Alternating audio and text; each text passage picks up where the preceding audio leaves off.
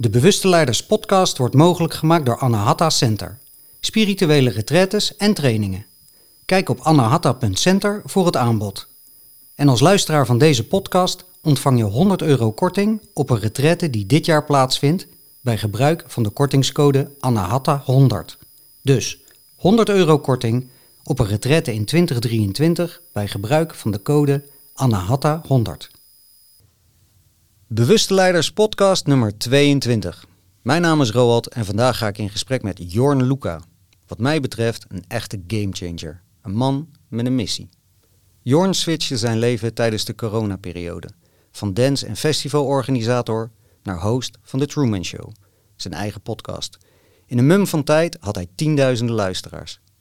Dat was het begin en nu richt hij zich op persoonlijke ontwikkeling en heeft hij met zijn partner Isa Kriens het platform That's the Spirit. Vandaag kijken we een stukje terug, maar vooral naar voren. Ik ben heel benieuwd welke plannen ze allemaal hebben.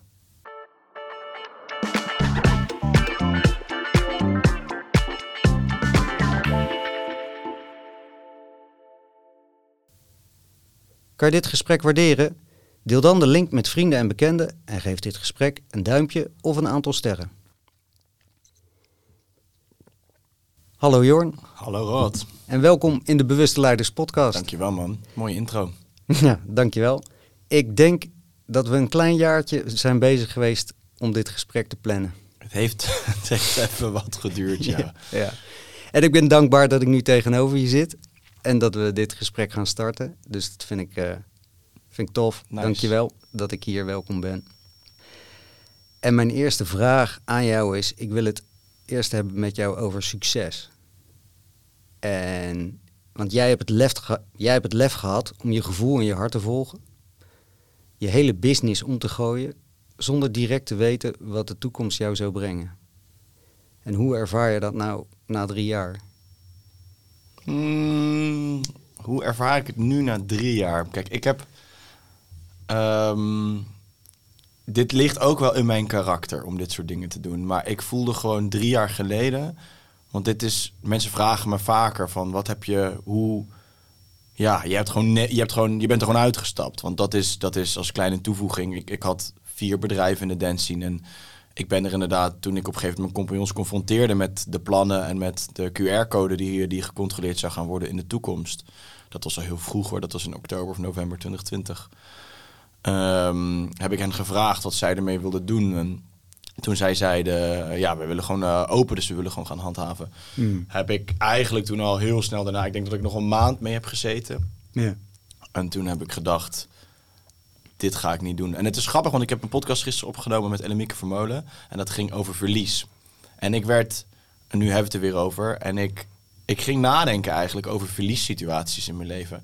En dat was echt een grote verliessituatie in mijn leven. Want ik had alles wat ik had opgebouwd, zat in destijds, denk ik, acht jaar lang in die dance scene. Weet je wel, ik was 31 ehm, toen het allemaal gebeurde. En ja, ik had gewoon die bedrijf opgebouwd. Ik had mijn ziel en zaligheid had ik erin gestopt. Ik bedoel, het was ook heel destructief voor, maar ook mijn ziel en zaligheid had- zat er ook wel in. En, ehm, maar ergens in mij voelde ik gewoon, weet je, ik heb zitten knokken in het begin van die coronaperiode. Omdat ik gewoon echt niet accepteerde dat mijn bedrijven dicht waren. Dat was nog voor de Truman Show hoor. En ik voelde gewoon zo'n harde nee op alles wat er stond te gebeuren. Dat die voor mij groter was dan alles. En ik heb echt in mijn hoofd alle verhalen wel honderdduizend keer afgespeeld van... Ja, maar misschien heb ik het wel mis met de plannen van de overheid. Of misschien, weet je wel, dus je mind gaat natuurlijk allemaal trucjes uithalen... om je niet door die, door die bizarre situaties te hoeven halen. Maar ergens voor mij, om je toch in die veiligheid te houden. Maar ergens voor mij voelde ik gewoon, die nee was altijd zo sterk. Die voelde ik, die prevaleerde gewoon. En toen ze dat zeiden, dat ze dat wilden, dat ze dat wilden, dat ze dat wilden gaan handhaven, dacht ik, het maakt me niets meer uit of de plannen van de overheid kloppen of niet. Dit staat zo ver af van wat ik, waar ik in geloof. Ehm, Van, dat- jou, van jouw kern. van mijn kern, ja, Ja. gewoon, ja, noem het kern. Ik, in ieder geval, voor mij was het gewoon heel erg van, dit gaan we gewoon niet doen. Hier ben ik gewoon echt niet bij en ik kan dit gewoon niet langer. En ja, dat heeft voor mij, ik bedoel, maart 2020 begon het en toen begon mijn verzet al tegen alles. En dat was denk ik december toen ik die beslissing nam. Dus het was wel, ik bedoel, ja, hoeveel maanden zijn dat?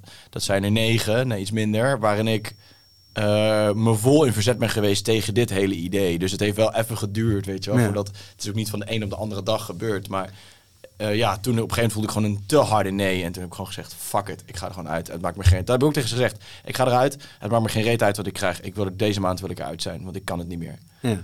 Over Eh, leiderschap gespro- gesproken. Ja, ik weet niet of ik het destijds als leiderschap voelde, maar gewoon als iets wat ik echt moest doen.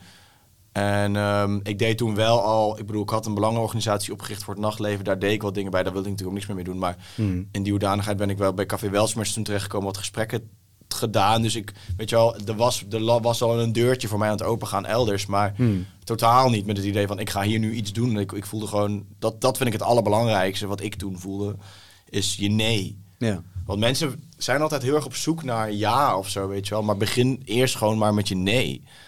En voor mij was die nee toen, het hele coronabeleid was zo groot dat ik toen dacht, weet je, het was ook de allerdomste moment om, die bedrijven, om uit die bedrijven te stappen. Want ik kan natuurlijk helemaal geen poot om op te staan, want al die bedrijven lagen op hun gat. Er zat overal overheidssteun in, dus overheidsschuld en weet ik het wat. Nu doen die bedrijven trouwens allemaal tering goed weer. Ehm, die, is- die, die voel ik nog wel soms een beetje. Maar ja, ik had gewoon geen papieren. Nee. En, eh, maar Nee. toch dacht ik echt van nee, fuck deze shit. Ik moet er, ik moet er gewoon nu uit. Ja. En, en dat heeft, toen ik die accepteerde, toen ik echt die uitsprak, daar, toen kwam pas de rouw eigenlijk of zo. Maar Mm. echt, toen kwam er volledige acceptatie in dat het systeem zo was, in dat ik mijn bedrijven kwijt was en dat het zo was wat het was. En dat was heel pijnlijk. Ja. Maar dat duurde relatief kort, weet je. Dat waren twee weken of zo waarin ik zat te janken om, om dat. En waarna ik eigenlijk gelijk weer de energie kreeg. En toen ook met de podcast begon.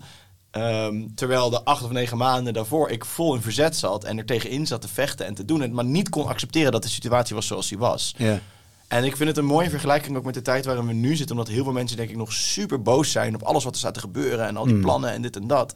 Maar dat komt denk ik nog heel vaak voort uit een niet-acceptatie van de realiteit zoals die is. En, en, en dat heeft die podcast van gisteren met Annemieke en mij zo getriggerd ergens. Omdat ik, weet je al, acht maanden lang in verzet ben geweest tegen, tegen die realiteit. Mm. Tegen dat ik echt shit ging veranderen aan Ja. de realiteit. En, en maar denken dat ik het wel kon doen. Ik, ik heb het hier nog zo vaak met, mensen om me heen gehad. Ik heb echt gedacht dat ik het kon gaan veranderen, weet je wel. Ja. En maar, en maar doorgaan en doorknokken en doorknokken. Maar, en dat was heel zwaar. Maar vanaf het moment dat ik in die acceptatie ging... Mhm. In de en overgave. die rouw en die overgave... Ja. duurde het maar heel kort eigenlijk. Ja, mooi. En kon ik daarna weer met energie... En toen ben ik de Truman Show begonnen. En kijk wat daaruit voortgegroeid is, weet je wel. Ja.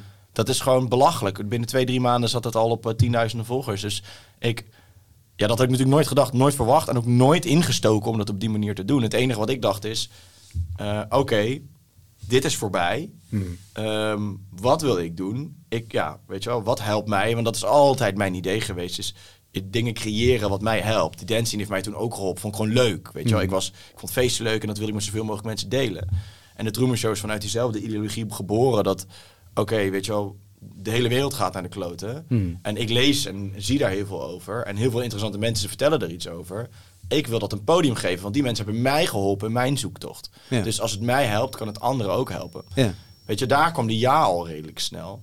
Maar die nee was er echt voor nodig om bij de ja te komen.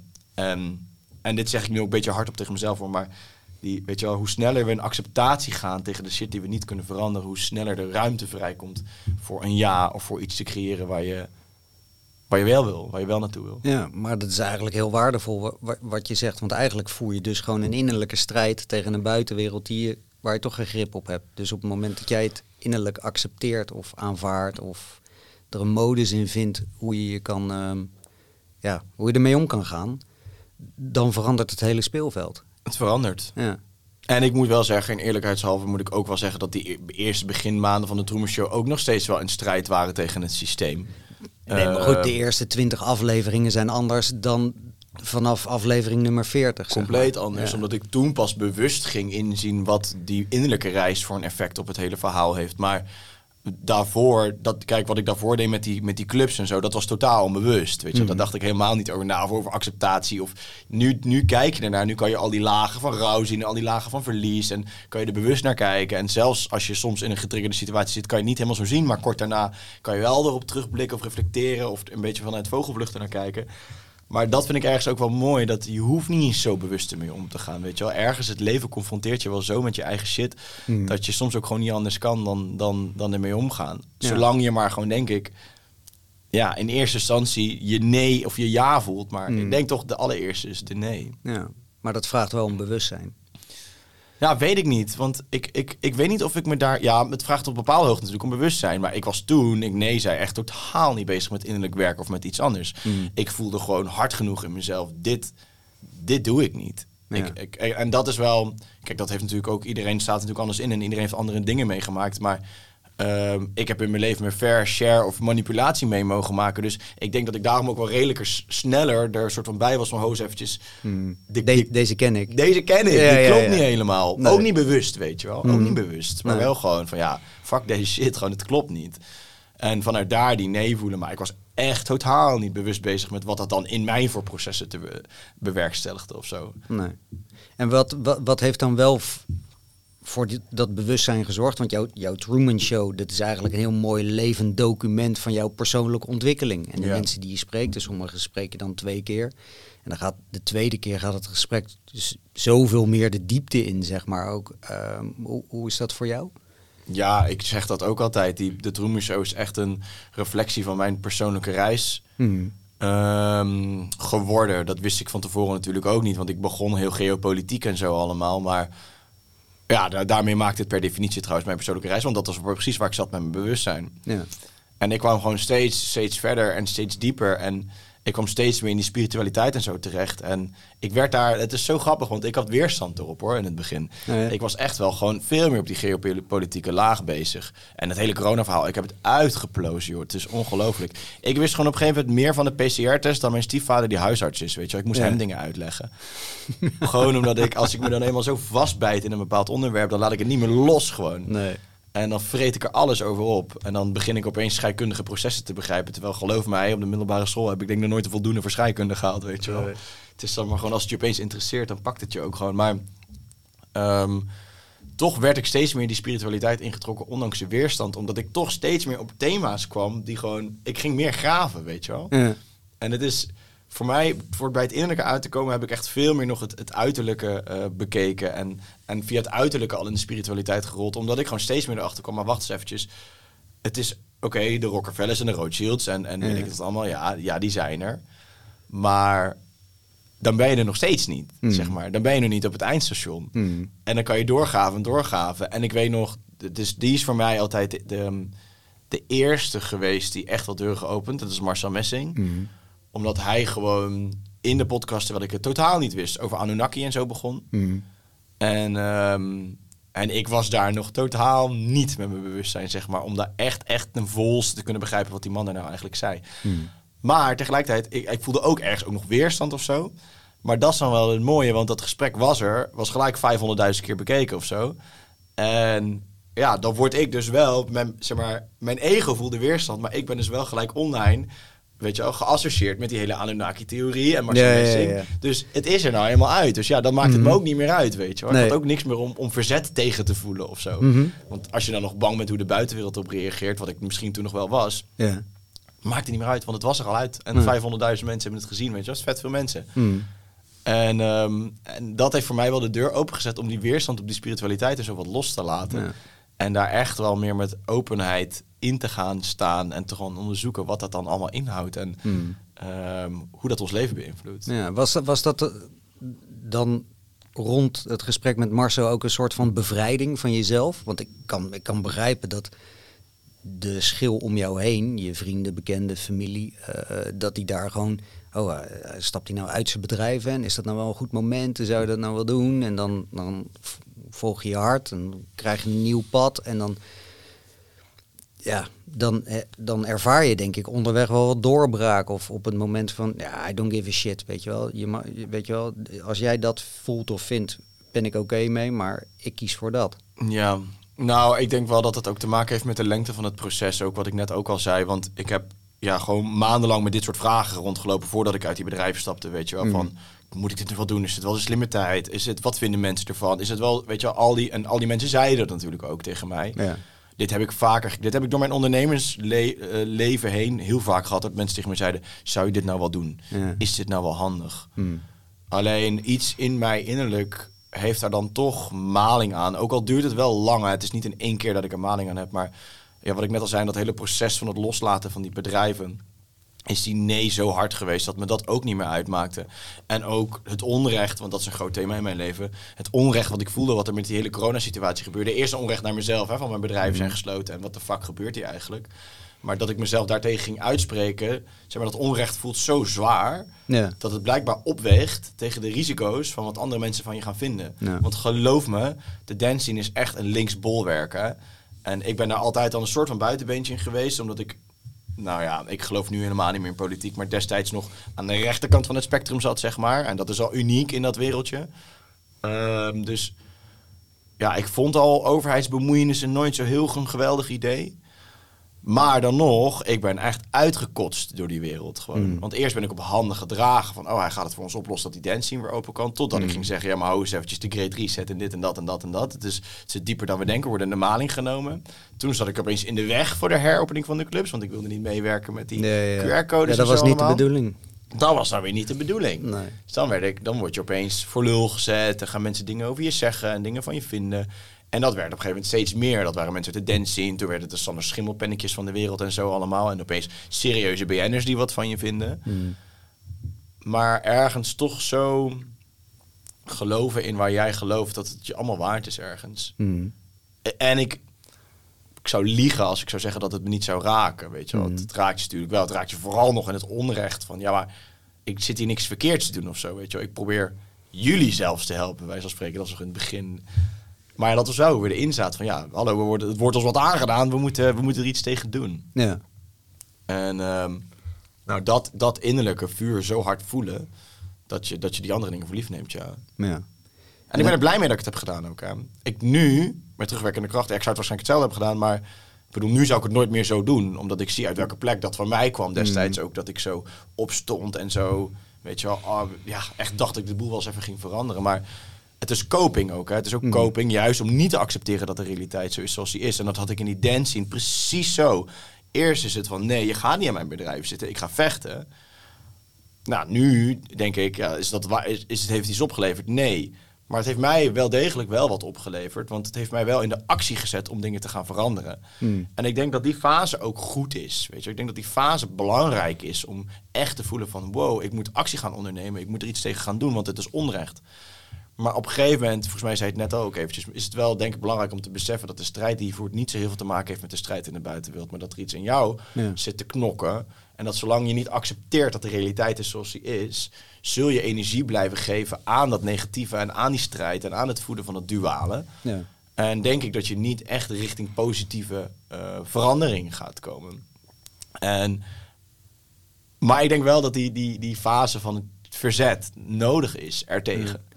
Is, is dat niet ook gewoon onderdeel van, van een proces, van een innerlijk proces, dat, dat we die fases door te werken hebben? En als we die niet echt gewoon volledig doorwerken, dat, dat we dan ook weer terugschieten, zeg maar? Ik denk het wel. En ik denk ook dat dat is nu, dat, dat zie je dus ook zeg maar veel in, en het verandert ook wel hoor, maar ik denk veel in de populaire, de echte populaire spiritualiteit is het allemaal, weet je positief en nice en leuk en, en best wel bypasserig toch wel. Maar aan de andere kant heb je de strijders, zeg maar. En die, die blijven daar weer in hangen. Die blijven weer in het donkere en het zware en Ja. het negatieve. Terwijl ik denk inderdaad dat je al die fases nodig hebt. Maar je kan niet zonder die donkere en, die, en, die, en dat zware en dat verzet en dat vechtende... Ja. kom je denk ik ook niet in die lichtere sferen uit. Omdat je slaat stappen gewoon over. Ja. En ik denk inderdaad dat we mogen die stappen eren. Alleen er komt wel iets na het verzet en er komt ook iets voor het licht. Ja, ja, maar ja, ja. En, ik en vond, dat is, en dat is precies wat ik net zei. Dat is dus exact ook waarom, eh, waarom, ik, waar- ja, waarom ik dit nu ook zo zeg. En waarom die podcast met Ellemieke me gisteren zo heeft geraakt. Omdat het gewoon... Het is gewoon een verliesproces. ja. Het verlies van jezelf. Het verlies van iets waarvan... Een wereldbeeld waarvan je dacht waar te zijn. Een verlies van eh, een geliefde in je omgeving. ja, misschien zelfs wel van, van je perceptie en je eigen waarheid, die, die hergekalibreerd wordt, dat je daar een shift in maakt. Zeker. Ja. En, maar, en het mooie dus is dat, die, dat dat proces van dat verlies dus wat dat betreft universeel is. Hmm. En het inderdaad al die stappen zijn die we hebben doorlopen. Maar dat je, mm, dat dat verlies, zeg maar, ja, dat, dat, dat, die, dat universele gevoel van dat verlies, die stappen die daarbij komen kijken, dat dat dus op zoveel facetten van je leven wordt geplakt. En wij denken bij verlies aan het verlies van iemand in je naaste omgeving, en dat is ook Ja. verlies. Ja. Maar het is ook veel meer het, inderdaad het verlies van je wereldbeeld, het verlies van nog meer, nog dieper, de manier, zeg maar, degene die jij dacht te zijn. Ja. En ook in dat verliesproces komt, komen diezelfde stappen denk ik naar voren. Ja. Ontkenning, boosheid, grief, weet je wel, alles op en eraan. Ja. Maar pas echt bij die acceptatie gaat je leven veranderen. Ja. ja, ik vond dat Maarten Oversier dat in de podcast 6 geloof ik was dat. eh, mooi, mooi zei, waar, waar wil je van wegtrillen? Weet je wel, in de, in de, de, de, de New Age spiritualiteit als het ware. Weet je wel, het is allemaal high en bliss en super mooi. En dat is ook super fijn. Eh, eh, en waar wil je van weg? Wat is je donkere kant? Wat heb je aan te kijken? De, wat heb je te doorwerken? En dat, Ja. en dat proces, dat doet natuurlijk zeer en daar willen we van weg. Dus wat jij net zegt, het copingmechanisme zegt van joh, adios, daar ga ik niet in mee, zeg maar. Nee. nee, die blijft de strijd voeden, die blijft de strijd in jezelf voeden, die blijft liever in de stories en in de verhalen zitten, dan dat, ze dat, dan dat hij daadwerkelijk in acceptatie komt. Die acceptatie doet ook gewoon pijn. Ja. Want hoe werk jij dat voor jezelf door dan, als ik vragen mag? Want jij, jij neemt superveel podcasts op met, met, met, met eh, hoogbewuste eh, mensen op diverse vlakken, van medisch tot eh hoog spiritueel. Hoe doe jij zelf? Heb jij sessies of doe jij veel mediteren? Of wa- wa- wat, doe je voor jezelf? Om dat, Mediteren niet genoeg. Ehm, maar ja, het, het meditatie is op een of andere manier nooit echt geheel mijn ding geweest. Maar eh, ik, wat, nou, ik doe therapie, ik doe ademsessies. Ik doe wel, ehm, wat dat betreft probeer ik eh, ook wat te doen. Maar het, het- nou doe ik het ook veel. Alleen het, het is ook het leven uiteindelijk. hmm, Denk ik. Weet je, we moeten ook op een gegeven moment, en die heb ik ook wel een handje van, is om maar te blijven graven en maar te blijven doen. hmm. En dan te vergeten dat we het hier wel gewoon te doen hebben, dat we hier te leven hebben. En uiteindelijk kom je je triggers wel tegen. En je komt, ja, je komt de situaties wel tegen om, waar, om, om van te leren. hmm, En ik geloof ook ergens, heel erg heb je dat ook niet in de hand. En ik denk, ehm, ik denk natuurlijk dat therapie helpt. En het, het werkt allemaal mee om, om, om jezelf een heler of weer terug te brengen naar je kern, of hoe je het ook allemaal wil noemen. Alleen uiteindelijk is het leven hetgeen wat ons de meeste lessen geeft. de En, ervaring. eh, ja, en ja, ik bedoel, ik heb het in mijn leven ook vaak meegemaakt. Ik bedoel, je, je triggers, ehm, ja, daar zit natuurlijk je grootste, de grootste leermomenten zitten daar. Hmm, Je grootste, want daar kom je echt tot de, de allerdiepste inzichten. ja. En ehm, ja, als je er bewust naar kijkt wat er gebeurt. ja, dan wel. Ja, als Ja. je er niet bewust naar kijkt, dan, dan, eh, dan wordt het een lastig verhaal natuurlijk. Ehm, dat, is, dat is wel een vereiste, ja. Maar, ik, maar zelfs dan nog, denk ik dat gewoon... Want kijk nou even terug op mijn afgelopen jaren, weet je wel. Als ik, ik was totaal nog niet bewust met het, met, het, met het uitstappen van die bedrijven. Maar ik heb dat zo hard nodig gehad om een ander pad op te gaan. Om weg uit die destructieve, donkere dance scene te gaan. Hmm. En om, om toch dit pad te gaan bewandelen, weet je wel. En totaal onbewust, maar ik heb het wel gedaan. En dat is wat ik, wat ik bedoel. Ergens geeft je leven gewoon je, de dingen die je nodig hebt. Hmm. Hoe fucked up ze ook zijn. Ja. Want dat zijn ze vaak wel, hè. Ze zijn Ja, fucked zeker. up. Ja. Ja. Maar trust the process, Ja. wat dat betreft. Ja. Ja, dat is een mooi. Daar kun je natuurlijk ook... Ja, die... Dat als ik Dat is- midden in iets diep zit... Ja. Wat echt nog vaak genoeg voorkomt, hoor. Ja. Ehm, en mensen zeggen dat tegen me, dan kan ik ze echt wurgen gewoon, weet je wel. Trust the process. Wat nou, trust the process? Ah, Ja. Het gaat helemaal... Ja, fuck that shit. Weet Ja. Je? Ja. Nou ja, ik heb ik persoonlijk zelf een, een, een, een redelijk eh diep proces met mezelf doorgemaakt. Wat eh, serieus niet eh, heel comfortabel was. En, eh, ehm, en ja, goed, ik zeg tegen mijn cliënten of coaches of mensen die op een retraite komen, zeg ik ook, weet je wel, trust the process. Je staat waar je staat en er dient te gebeuren wat, wat, wat er te gebeuren heeft. Maar op het moment dat ik zelf door de modder ga, ja, lachen met je trust the process. En als je er dan af en toe probeert boven te hangen, zeg maar, dan, dan kan ik wel zien van vanuit een ander perspectief van oké, weet je wat, er, er gebeurt wat er dient te gebeuren en ik heb dit te, doorvoelen en te doormaken, te doorleven, zeg maar. Maar ja, op het moment dat er iemand op mijn trigger zit, zit te stampen, zeg maar, op die grote rode knop, dan, dan weet je wel, dan schiet ik er ook zelf vol in. Ja, en daar heb je natuurlijk heel veel verschillende theorieën over. Polyfagaaltheorie en al die dingen met je zenuwstelsel en zo. Dus als je op een gegeven moment in een bepaalde fase zit, kun je doen wat je wil. Maar Het is gewoon, eh, alle alarmbellen staan gewoon aan. Het is gewoon je systeem die het van je overneemt. Ja. Maar ik denk, ja, ehm, dat is natuurlijk wat je wil voorkomen ergens. Om, Ja. om daarin terecht te komen. Maar je hebt het ook gewoon niet in de hand. En eh, je kan, weet je, dat is ook, ik was laatst, ik was al had een ademsessie. En mijn eh, ademcoach, therapeut, weet ik hoe je het noemt. Hmm. Die zei ook tegen mij, hij zegt, kijk, er zijn hier mensen die hier gewoon, weet ik veel hoe lang en hoe vaak komen ademen. En privé-sessies doen, groepsessies doen, whatever the fuck. Ehm, maar niemand, bijna niemand, er zijn er heel weinig, die het ook daadwerkelijk gaan beoefenen in het echte, in het echte wereld. Omdat toch nog steeds voor iedereen, en ik voel me daar ook wel aan opgesproken, voelde ik toen in ieder geval zeker. Van ja, je gaat dan naar je ademsessie of naar je therapiesessie. En dat is natuurlijk heel waardevol. Dat wil ik niet ontkennen dat het waardevol is. Maar zolang je die lessen niet meeneemt in je dagelijkse leven, zolang je niet ook dat daadwerkelijk gaat beoefenen in het dagelijks leven, dan blijft het zich gewoon herhalen. Want de sessie aan zich gaat het niet voor je oplossen. Hmm. En de healing aan zich gaat het niet voor je oplossen.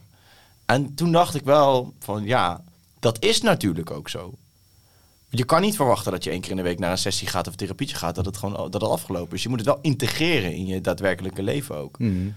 En, ehm, en dan niet weer terug in je leven en gewoon knop om. En, we- en weet je wel, het is wel, het is gewoon een beoefening toch wel van, van, dat, van datgene. Ja, en dan bedoel je dus, je, je neemt die oefening of de uitkomst eh, van die ademsessie mee in je dagelijkse leven in plaats van dat je daar de deur dicht trekt na een uur en that's it. Precies. Ja. Ja, bij mij, ik heb gewoon een groot, grote wond op mijn innerlijk kind zitten, zeg maar. En Mhm.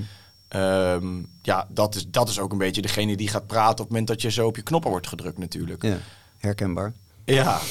en, ehm, maar ja, eh, ja, het is ook, zeg maar, die heeft ook geleerd om, om eigenlijk de macht over te nemen. Weet je wel, 5% van ons wat we doen is maar bewust, hè? Mhm. 5% maar, 95% doen we totaal onbewust. Dat vind ik zo sick toen ik dat voor het eerst hoorde. En die, die, ja, die innerlijke kinderen in jou, weet je wel, die nemen het gewoon heel vaak, nemen ze het gewoon over. Maar als je bewust gaat kijken wat er gebeurt naar wanneer zij het, wanneer zij het eigenlijk allemaal overnemen, weet je wel. Of dat, ik bedoel, dat, dat zie ik ook met terugwerkende kracht nu bijvoorbeeld tijdens corona, weet je wel. Dan het eigenlijk niet kunnen geloven dat het zo is en dan toch maar weer wat gaan opzoeken, weet je wel. Want, oh ja, het is wel zo even weer kalmeren. Validatie. Validatie, kalmeren. Ja. Maar zolang wij dat zelf niet gaan geven aan onze innerlijke kinderen, zeg maar, blijven we dus iedere keer iets naar buiten doen. En dan stel je jezelf eigenlijk toch weer een stukje teleur. Gaat er weer een klein stukje afgescheiden worden. En dan blijf je toch die cycli herhalen de hele tijd. En dat was een beetje wat ik me inderdaad besefte van. Nou, ga daar eens even in je leven echt eerlijk naar kijken, weet je wel. Mhm. Van wanneer doe je iets om gekalmeerd te worden of afgekoeld te worden. Of omdat je eigenlijk jouw innerlijk kind iets wil naar buiten toe. Ja. Maar dat jij die pas afsnijdt, of dat, dat je innerlijk kind het overneemt en, en ja, een bevestiging gaat halen, of dit gaat doen, of dit zus gaat doen.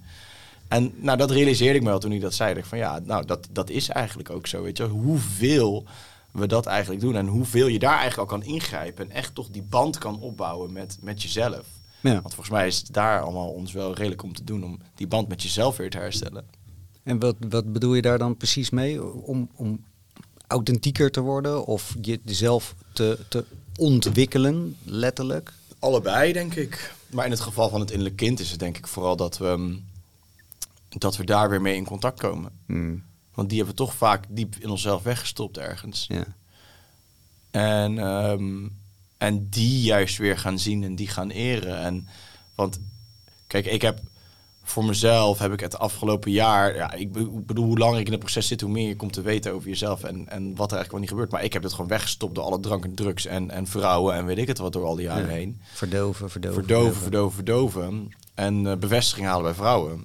En ehm, nou, ik, ik heb, dat heb ik eigenlijk allemaal gedaan omdat ik een soort chronisch schuldgevoel over me heen draag. Hmm. En, een, en een diep gevoel van dat het aan mij ligt en dat ik niet goed genoeg ben. En ik denk dat het, als je bij heel veel mensen in de kern gaat wegstrippen, blijft er zoiets over zitten. Hmm. Maar ehm, Maar dan heb je het over bestaansrecht. ja, ja, tuurlijk. Ja. Ja, ja, dan kom je natuurlijk ook weer op Maarten, wat, wat Maarten allemaal zegt. Maar ja, tuurlijk. En, maar, dat, maar je dat realiseren, hoeveel van jouw gedrag eigenlijk wel niet voortkomt uit die overtuigingen. Of uit het wegstoppen van die overtuigingen. Mhm. Om, daar niet, om niet die realiteit onder ogen te komen zien. Ja. Eh, ja, dat is gewoon bizar. Hmm. Maar ook, ja, dat is wel denk ik wat ons te doen staat uiteindelijk. Dus weer, wel weer in contact komen daarmee. En die beperkende overtuigingen toch op een bepaalde manier achter je laten. Want daar zit je vrijheid. Ja. We hebben het allemaal, we gaan prat over vrijheid. En we hebben, de overheid doet dit en iedereen doet dat. En, en daardoor zijn we allemaal niet meer vrij. Hmm. We zijn niet meer vrij omdat we onszelf gevangen houden. Ja. Inconditioneringen, patronen, Precies. gedachten, afspraken, contracten met elkaar waar we dan, als we er echt naar gaan kijken, van oké, maar eigenlijk beperken we elkaar. Dat kan al zijn met je partner of met je kinderen of whatever. Dat je denkt van ja, oké, we hebben die afspraak nou, maar wat dient die afspraak nou? Weet je wel, voel ik me daar nou, door nou echt vrij? Jij mag niet dat, omdat ik niet van jou mag dat. En wat nou als je gewoon dat hele contract in de prullenbak lazert en elkaar gewoon vrij laat als individu en dan, ja, weet je wel, dat, dan ga je meer vrijheid ervaren. Tenminste, dat is wat ik momenteel eh, meer ervaar. Ja. Dat geeft zoveel meer ruimte. Je speelveld eh, vergroot dan, zeg maar. En dat is ook ingewikkeld. Tenminste. In dat proces loop ik dan ook weer tegen dingen aan. Van, nou, wil ik dat nou wel echt? Mm. Is dat nou wat ik wil? Maar als ik voor dat kies, dan is de consequentie dat dat ook kan zijn. En dat vind ik niet altijd gemakkelijk, maar ehm, het lucht wel op, zeg maar. Ja. Maar dat zeg ik dan achteraf, hè? niet op het moment, Niet op het dat, zelf. Dat, dat ik ermee geconfronteerd word. Nee. nee. Ja, het is voor mij, het is, ik, ik, kijk, dit, dit, is, dit vind ik ook weer een leuk voorbeeld van de Truman Show. Want dan heb je eens in de zoveel tijd geregeld een podcast die gewoon... Nou, elke gast raakt je wel weer op een bepaalde laag, Mm. omdat je zelf gewoon in een proces zit. Ja. Altijd. En die Dus- komt ook niet voor niks op je pad Nee, op dat nou, moment. Nee. En, ehm, maar soms raakt het dan wat meer dan de andere. Maar daarom, ja, het, het, het- dat vind ik zo geniaal eraan. Het pakt je gewoon altijd ergens op een bepaalde laag. En altijd blijft er iets wel van een bepaald thema hangen of zo vanuit die podcast. Wat in mijn geval, wat mij dan weer raakt. Of wat mij dan weer een stapje verder zet in, in een proces waar ik op dat moment bezig ben. En daarom vind ik het grappig dat deze podcast ook over gaat. Want dan zie ik dus, zo speelt het dus in mijn hoofd. Maar het woord acceptatie is voor mij zo'n codewoord nu, weet je wel. Mhm. Het is zo, en dat is als ik naar de wereld ook om me heen kijk of zo. Er zit zo weinig acceptatie in, in ja, gewoon shit zoals het is. Dus weerstand. Ja, enorm veel weerstand.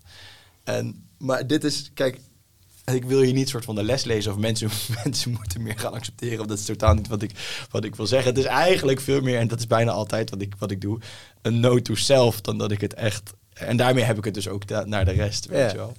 Maar ja, maar gewoon, eh, kan dienen als inspiratie, toch? ja, zeker. Ja. Maar gewoon, eh, ja, daar zit ik nu mee, man. Acceptatie. We moeten gewoon accepteren. Accepteren. Ja. Eerst even accepteren. Ja. Accepteren wie we zelf zijn. Ja. Accepteren wie de ander is. Accepteren de Wat- situatie waar we zitten. Wat niet betekent dat je alles hoeft te tolereren. Absoluut niet. Juist nee, niet. nee. Nee, totaal niet. Want, want maar, maar, dat, maar alles behalve. Want daar, daar word ik soms ook een beetje kriegelig van. Hoe we allemaal maar gelijk overspringen op compassie. En allemaal maar, weet je wel. Ja, dat, op een gegeven moment kan dat komen. Maar dat is Hmm. weer een onderdeel van datzelfde proces. Dus als je dat te snel in werking stelt, dan blijf je gewoon over je eigen grenzen heen gaan. Want ik denk dat dat wel grenzen is wel echt, echt knijten, knijten, knijtertje belangrijk. Ja. Weet je, dat heeft er ook voor gezorgd dat ik nee heb gezegd tegen die hele corona bullshit. Hmm. Weet je wel, dus je grenzen voelen is mega belangrijk. Ja. En ik, zou, ik ben de laatste die zegt dat je gelijk in één keer over compassie over moet gaan. Je moet, ik Hmm. denk juist dat, Eerst je grenzen onderzoeken. ja, en het vuur wat uitkomt uit dat beschermen van die grenzen is super waardevol. Ja. Maar als je, te- als je er te lang in blijft hangen, dan consumeert het je. Ja. En dan voed je alles waarvoor je, waarvoor je je tegen verzet. Ja. En dan maak je het alleen maar groter. Hmm. In jezelf, in de ander, in de hele situatie. Ja. Laat En, los. ja, en dan is, ja, precies. En het, mooie van grenzen vind ik wel, is het, is het onderzoek naar van, oké, ik, voel, ik voel deze grens. Van waar komt die? Komt die vanuit, eh, vanuit angst? Weet je wel, voel ik echt van, eh, hak in het zand, dit wil ik niet. Of is dit gewoon, voel je gewoon je innerlijke grens? Dit, dit gaan we gewoon niet doen. Hier ben ik niet oké mee. En dus veel meer vanuit liefde voor jezelf. Van dit is mijn grens en daar sta ik voor. Wat wel een soort van lastig of uitdagend is, om dat gewoon eh, altijd vanuit je kern stevig te staan. Mm. Tenminste, ik vind dat zelf makkelijker gezegd eh, eh, dan in iedere situatie gedaan. En dat is zeg maar work in progress. Van oké, sta ik stevig? Wat vind ik? Wat voel ik? Ga ik dit? Ga ik dit? Nee, ik ga dit niet doen. Ik ben er niet oké mee. Maar ik geloof niet dat een grens gepaard gaat met angst. Dat kan vanuit angst zijn, hè? Maar dan is het geen grens. Dan is het. Geen grens, dan weet ik niet wat het dan is. Hmm. Maar eh, ja, het kan, ja. ik weet niet, het is voor mij wel heel duidelijk voelbaar het verschil tussen een grens en Mhm. waarin ik iets niet durf te doen of waarin ik iets afhoud omdat het me beangstigt. Mhm. Want het is wel een wezenlijk verschil. Ja, om iets kwijt te raken of iets stuk te maken of afscheid te nemen van. Ja. Bijvoorbeeld. Ja. Terwijl ik denk een gezonde grens gaat niet zozeer gepaard met angst. Een gezonde grens is gewoon voelt denk ik meer nee, dit is het gewoon niet. Weet je, daar zit niet een lading op. Mhm. Omdat die zuiver vanuit je kern komt. Ik denk het. Het is nu wat ik me nu zo, als ik je zo, yo, ik hoorde je dat zo zeggen over die grens en dat is eigenlijk Ja. hetgeen wat dan in me opkomt. Ja. Ik weet niet of het helemaal klopt.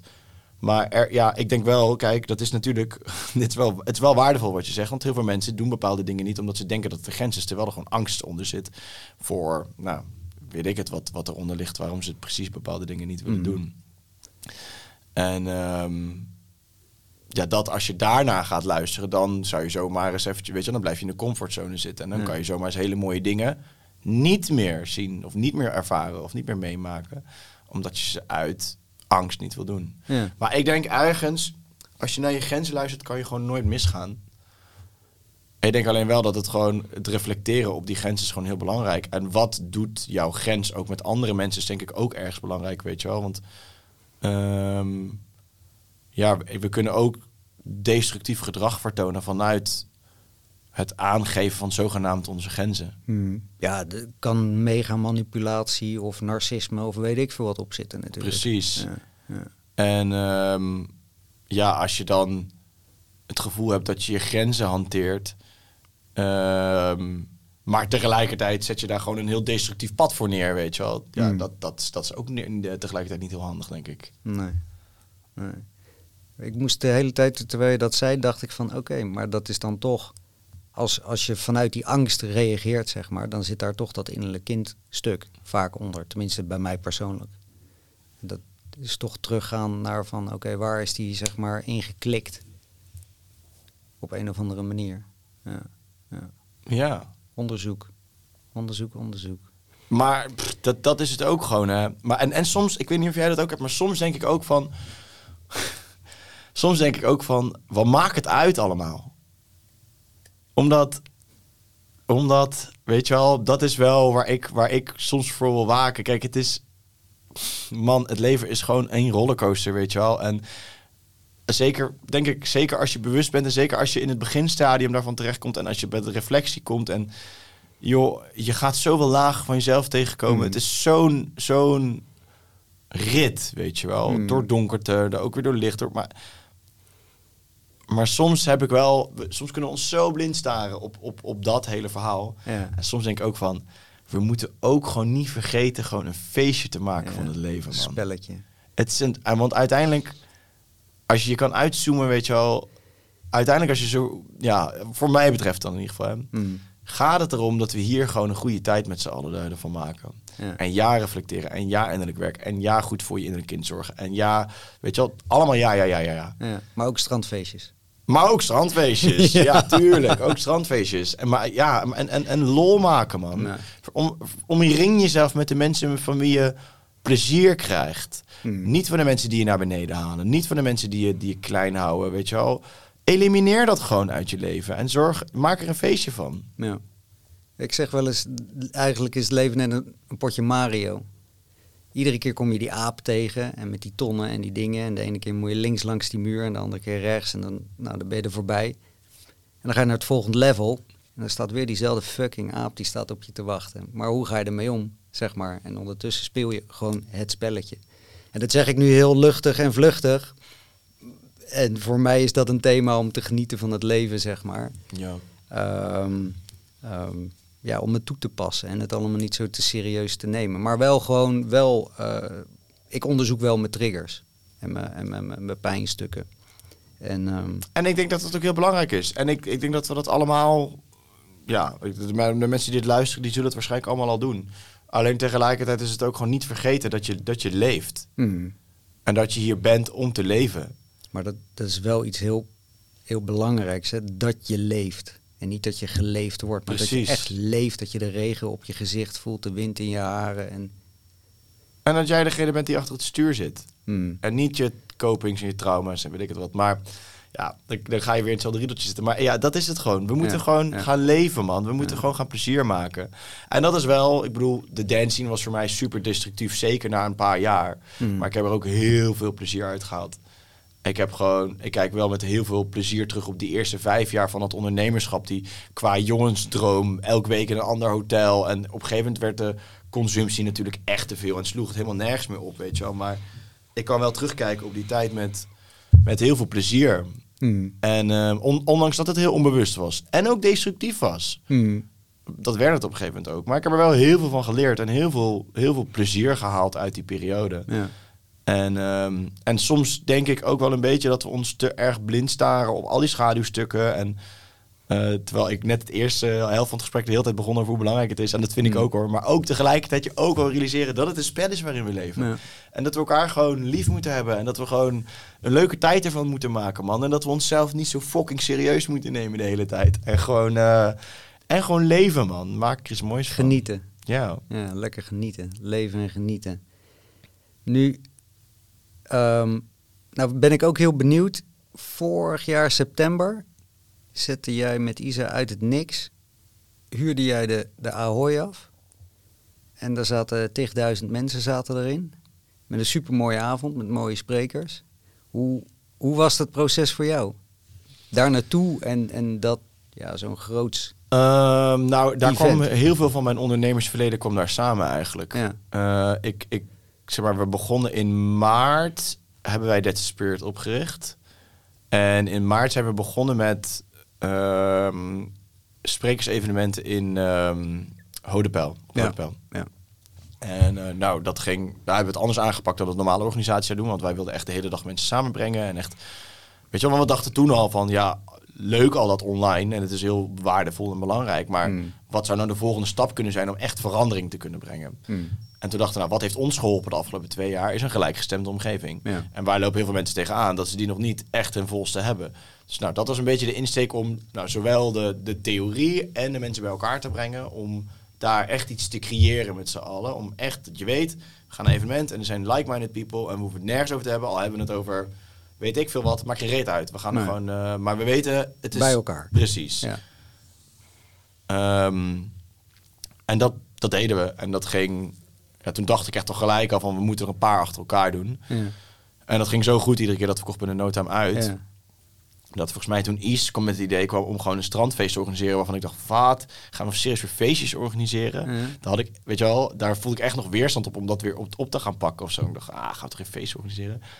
Maar eh, ja, ze vond het echt een goed idee. En toen dacht ik, ja, ja, ik snap het ook ergens wel. Want het is ook gewoon weer tof om gewoon met elkaar te zijn zonder juist al die informatievoorziening. En dat je gewoon weer met elkaar dansen. gewoon weer het soort van normale leven omarmt ook wel weer of zo. Mm. Weet je, met wat ik net ook zei. Dus, ehm, nou, toen voelde ik hem eigenlijk wel. Toen dacht ik, oké, nou, let's go. Toen hebben we er drie daarvan gedaan en het ging heel goed.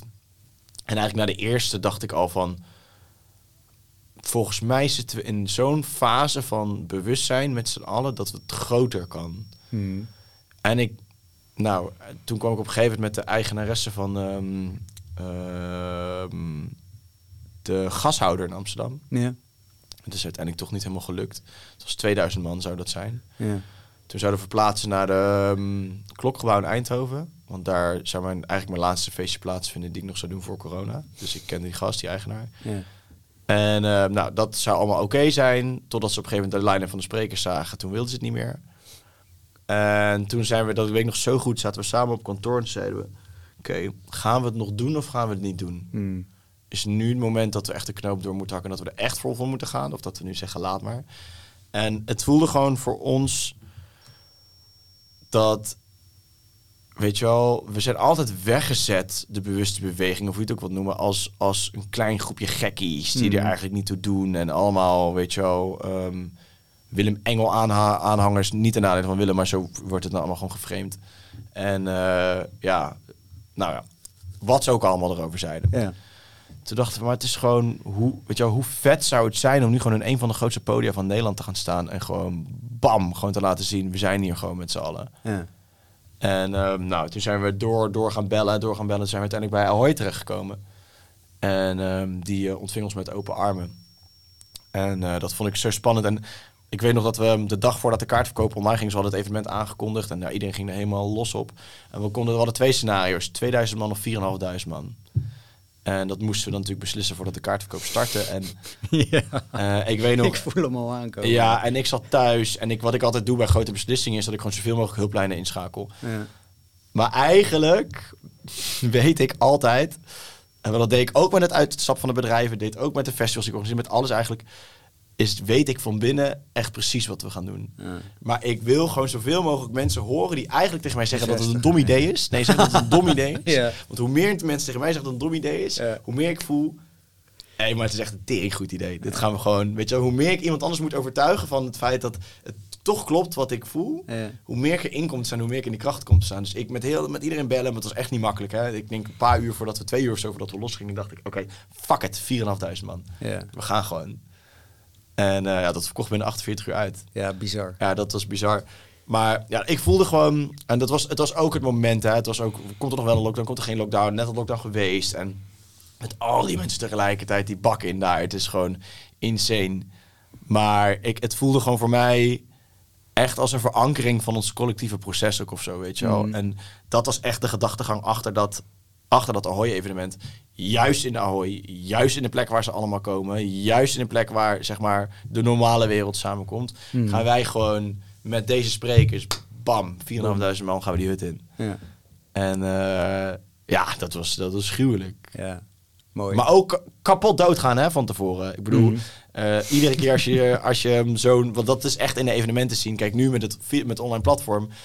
Ja, de release was... Ik ging 100, 100.000 miljoen keer dood. Maar nu heb je iets weet je wel, constructiefs. Het staat er. En je hebt de tijd om eraan te werken... om het beter te maken, om het mooier te maken... om feedback te vragen. Om, Ja. Het is heel anders dan evenementen doen. Evenementen Ja. is echt, oké, nu bam. En alles, On the spot moet het kloppen. Ja. Ja. Of En, niet. ehm, of Ja. niet. en dan ga je back. Ja.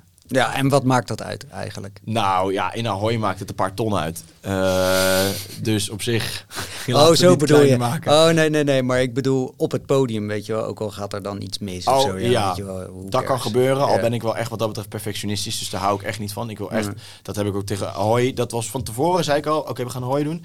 Ik wil dat dit een ervaring wordt voor mensen die ze nooit meer gaan vergeten. En daar wil ik alles aan doen. Dus de entree moet er goed uitzien. Het podium moet er goed uitzien. We zijn, we zijn over de top gegaan. Hè. Er zijn echt geen organisaties die Ahoy zo aankleden als wat wij hebben gedaan Nee. toen.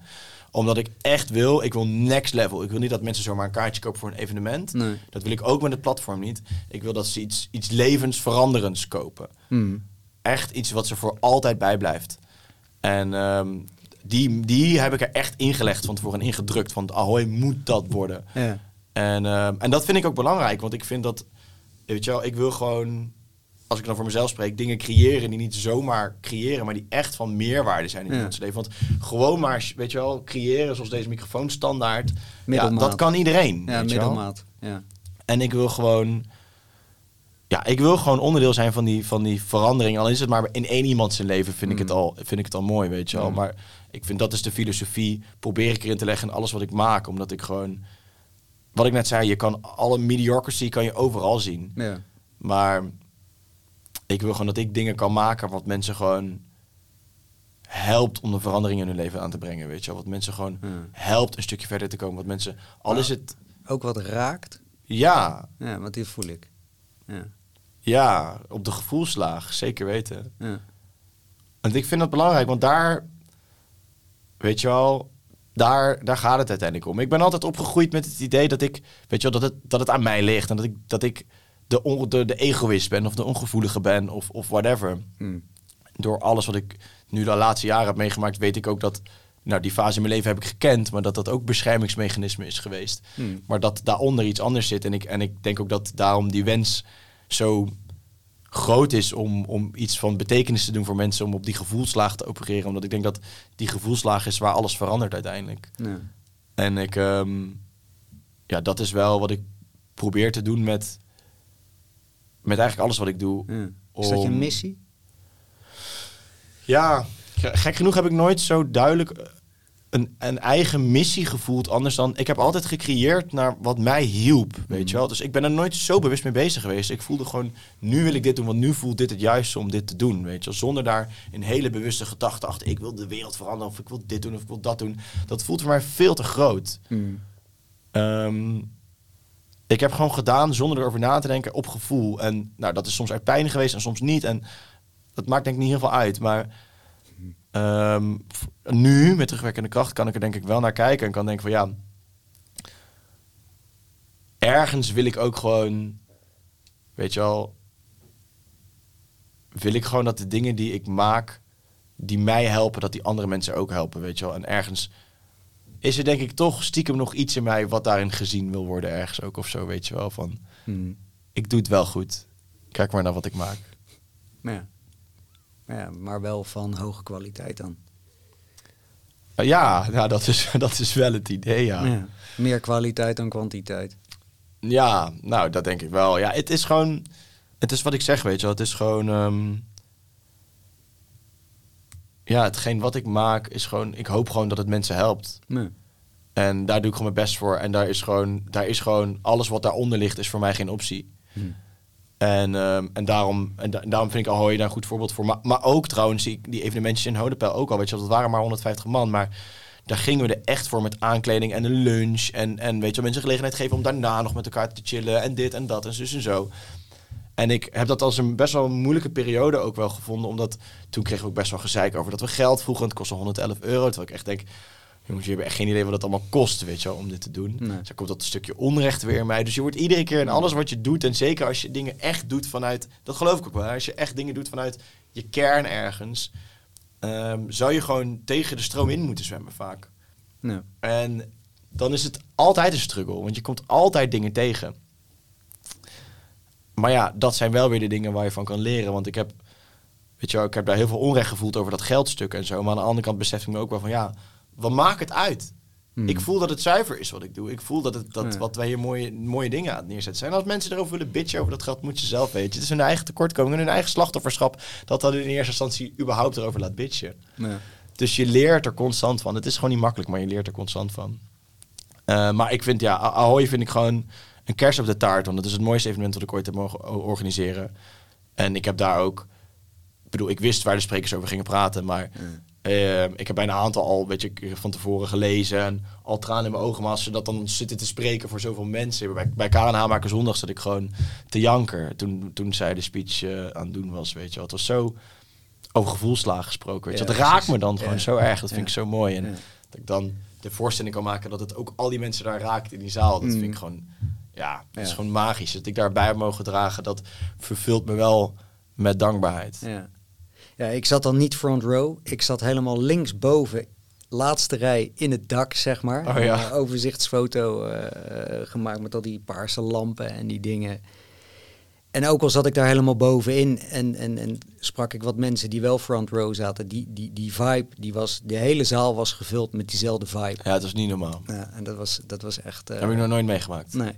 En het is aan de, organisa aan de organisatorkant van het verhaal altijd anders dan aan de... Dat is altijd de tragiek, heb ik altijd gevonden, van het eh, zelf organiseren. Hmm. Want je maakt het eigenlijk niet meer mee hoe de bezoeker het meemaakt. Terwijl je maakt alles voor de bezoeker. Voor de bezoeker, ja. Weet je wel, maar je, je kan er zelf eigenlijk niet meer van proeven. Nee. Omdat jij ziet al het werk wat erin gegaan is. Jij ziet, je ziet de, de, de, de trussen die erachter staan. Jij ziet, weet je wel... Je ziet niet, mensen die komen daar, die komen daar voor het eerst en die zien gewoon het hele plaatje en wow, helemaal vet. Ja. Maar jij weet, je ziet al die dingen die erachter zitten en het is, ja, als je niet uitkijkt, is het soort van nooit goed genoeg ook of zo. Ja. Want je, je proeft hem niet meer zoals andere mensen hem proeven. Maar ja, dat evenement heeft, wel, dat heeft mij wel echt geraakt op een, eh, op een, op een diepe gevoelslaag ook. En ik, ik merk, het, ik emotioneert me nu een paar keer, maar ehm, het is soms ook zo belangrijk om dankbaarheid te voelen voor de dingen die je doet ook, weet je wel. Hmm.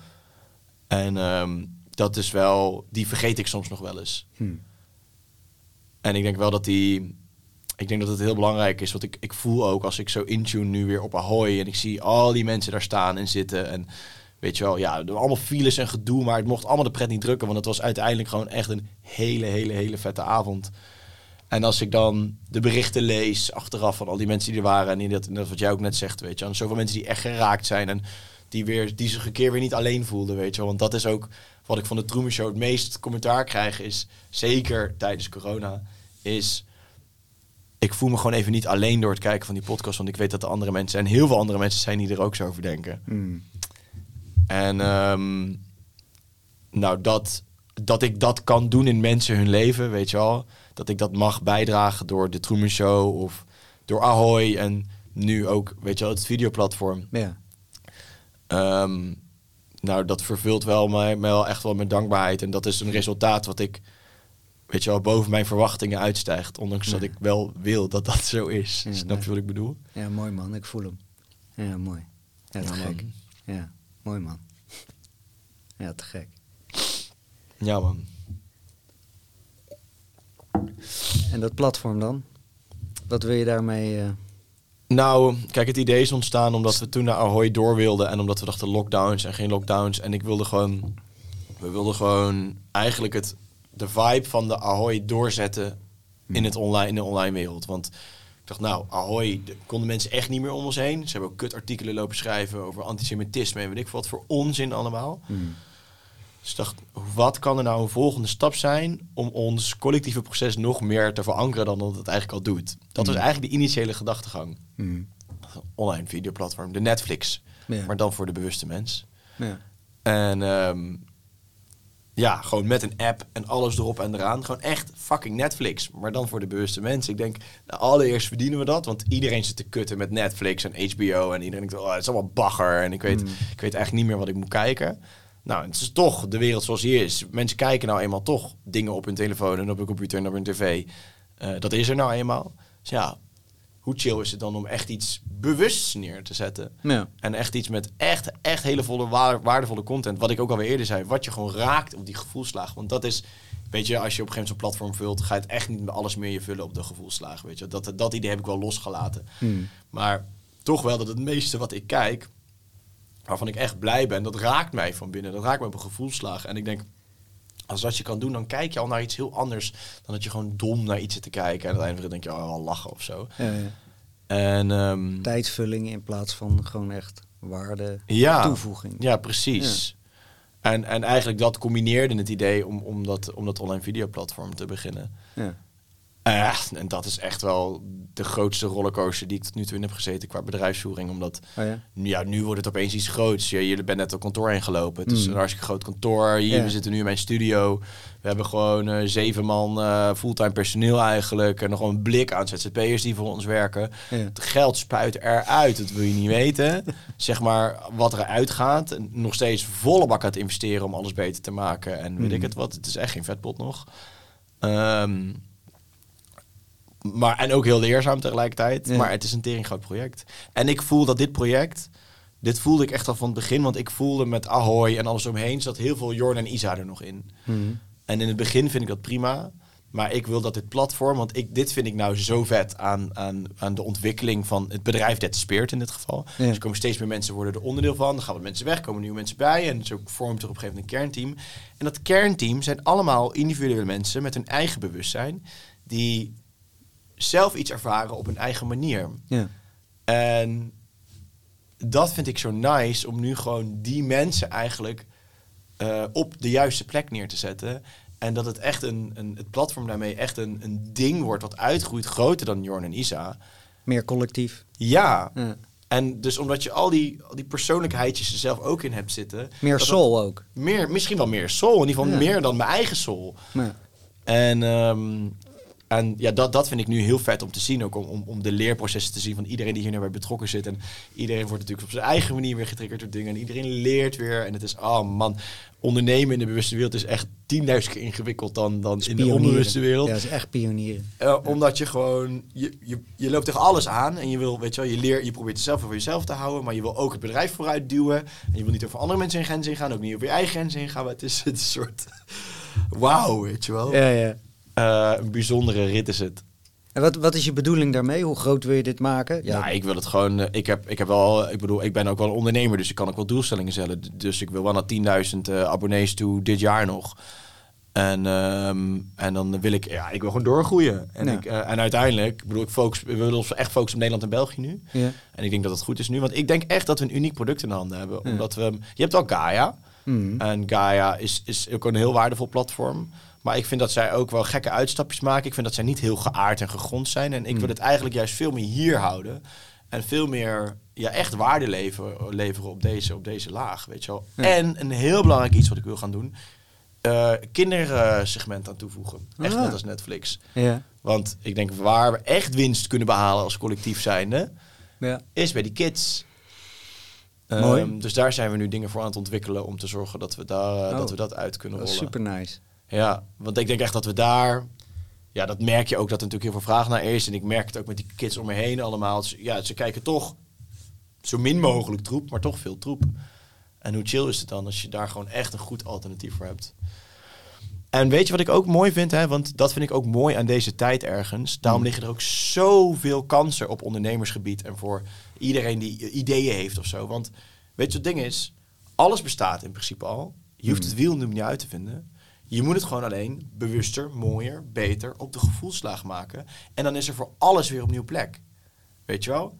Ehm, en dat vind ik zo grandioos aan deze tijd. Want je kan alles maken, maar dan bewust. En dan verandert alles. Ja. Dus er zit zoveel ruimte voor dingen te doen en dingen te creëren en dingen te maken. Ja, als we dat gaan zien en voelen, dan, dan verandert alles nog zoveel sneller, weet je wel. Mm. En ik hoop gewoon dat dat platform daar, ik hoop gewoon dat mensen zien, gewoon, want we gaan er ook echt nog een community ding aan hangen. Dus ik wil ook echt dat mensen met elkaar online, eh, weet ik veel, een masterclass hebben gedaan, dat ze met elkaar kunnen eh, lullen erover. Of dat ze Ja. echt een cursus samen met elkaar kunnen doen. Ik weet nog niet precies hoe we dat gaan bouwen, maar eh, dat echt die community samenhang, dat dat er ook echt in komt te zitten. Je bent al lang niet klaar dus. Nee, echt nog totaal niet. We zijn er begonnen. Ja. Maar het lijkt me gewoon heel.